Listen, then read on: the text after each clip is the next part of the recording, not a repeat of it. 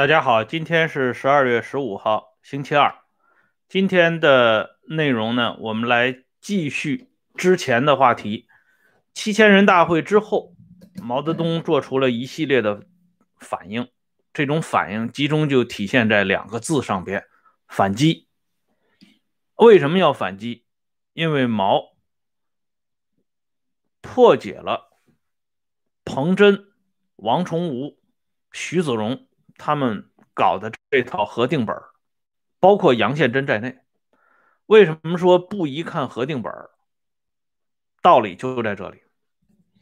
首先呢，我们来看一下关于杨宪珍的这个甄别和平反，这个工作是由当时的中央党校校长王崇武来具体操作的，并且报经彭真的批准，毛泽东来圈阅。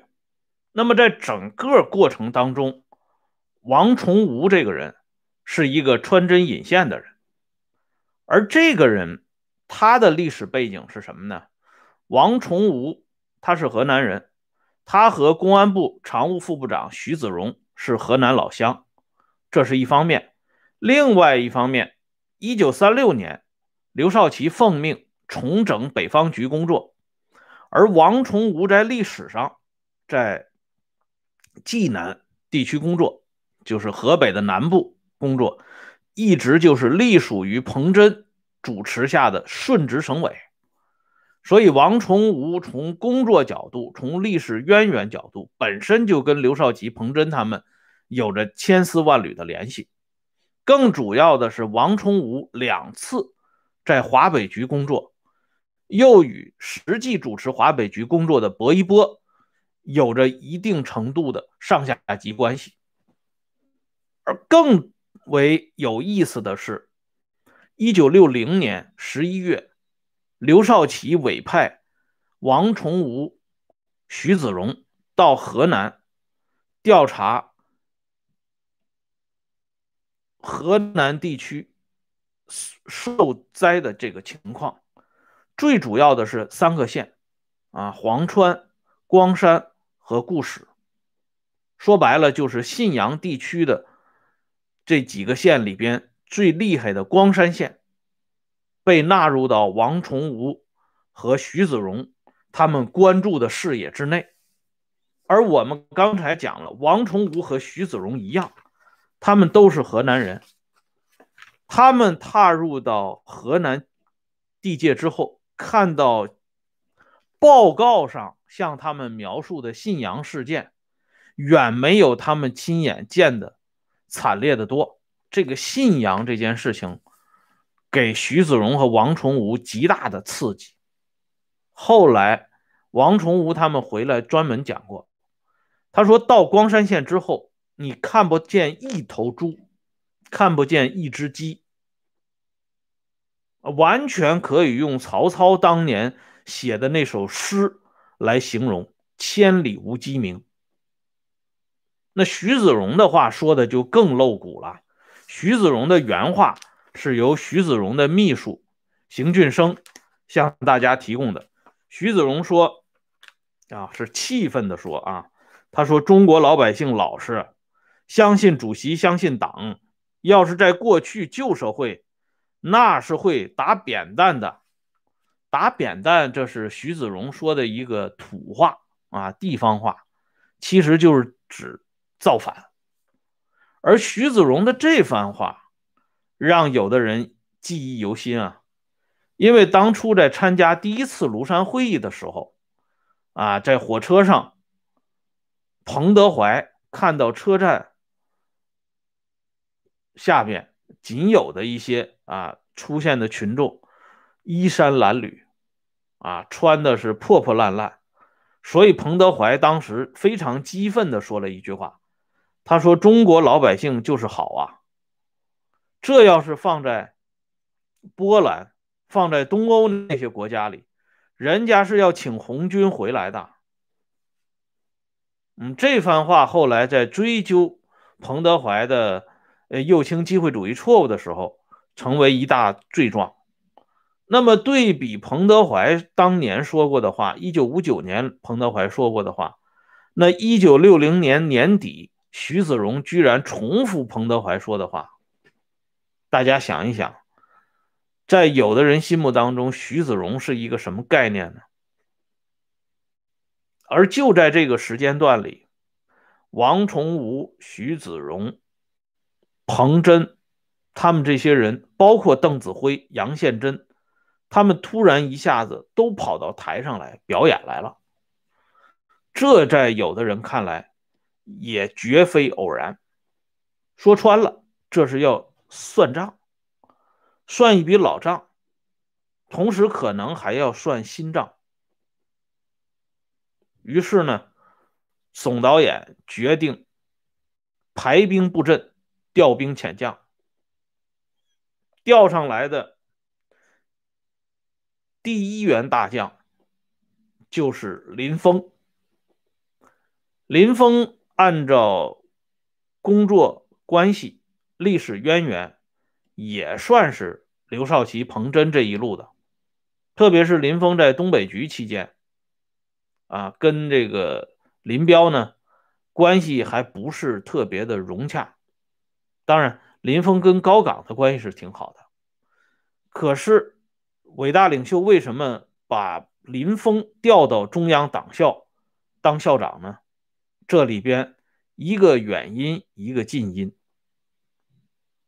近因呢，自然是因为林峰这个人非常听话，特别是林峰这个人在整人的过程当中，那是很有一套手法的。在高饶事件当中，林峰与罗瑞卿两个人互为表里，诬陷张明远、张秀山、赵德尊。郭峰、马洪这五个人是高岗的五虎上将，这是无中生有啊！因为这五个人只不过是因为啊历史和工作的原因与高岗走得近一点，结果在大批判座谈会里边，这五个人居然成了关张赵马黄了。那他们五个人是五虎上将，那高岗岂不就成了刘备了吗？岂不就是要黄袍加身吗？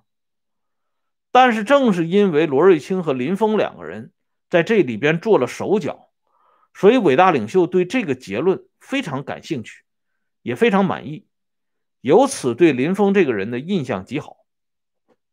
不过林峰进入到北京以后，他有一段时间是管了一些教育方面的工作。到一九六三年一月份，领袖点将，让林峰取代王崇武。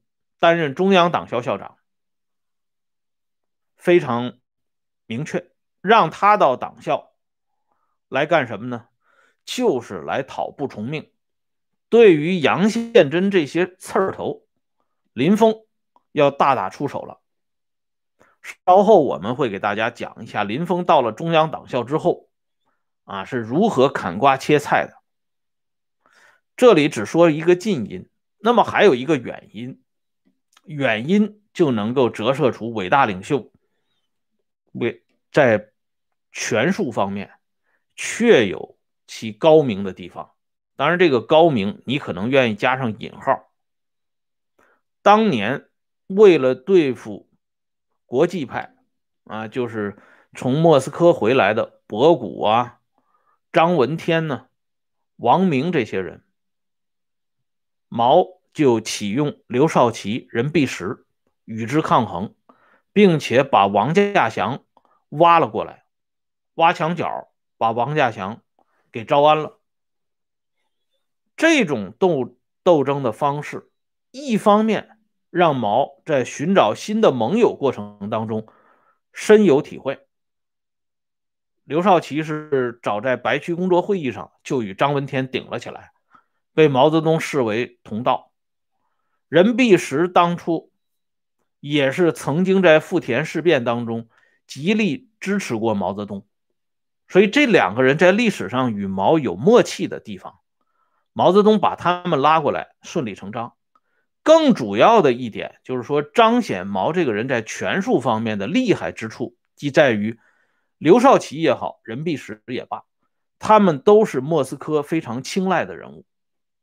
刘少奇是被共产国际远东局指定为周恩来、王明去莫斯科之后的九位中央常委人选，而任弼时很早就被斯大林确定为团的接班人，啊，换句话就是党的副接班人。因此，毛把这两个人拉上自己的战车，对抗王明、张闻天、博古，在莫斯科看来不属于造反，这无非是李代桃僵，换汤不换药，换上来的还是还是莫斯科选中的人马。所以，从这个例子、这个原因来看，眼下毛泽东把林峰他们提了起来。用林峰在党校收拾杨宪珍这些六十一人集团里边的这些人员，至少在一定程度上，对于彭真和薄一波他们来讲是起了麻痹的作用，不至于让他们觉得伟大领袖已经开始对他们下手了。而事实证明，彭真、薄一波他们也确实没有察觉到。包括刘少奇，完全没有意识到这个时候调兵遣将是对着他来的，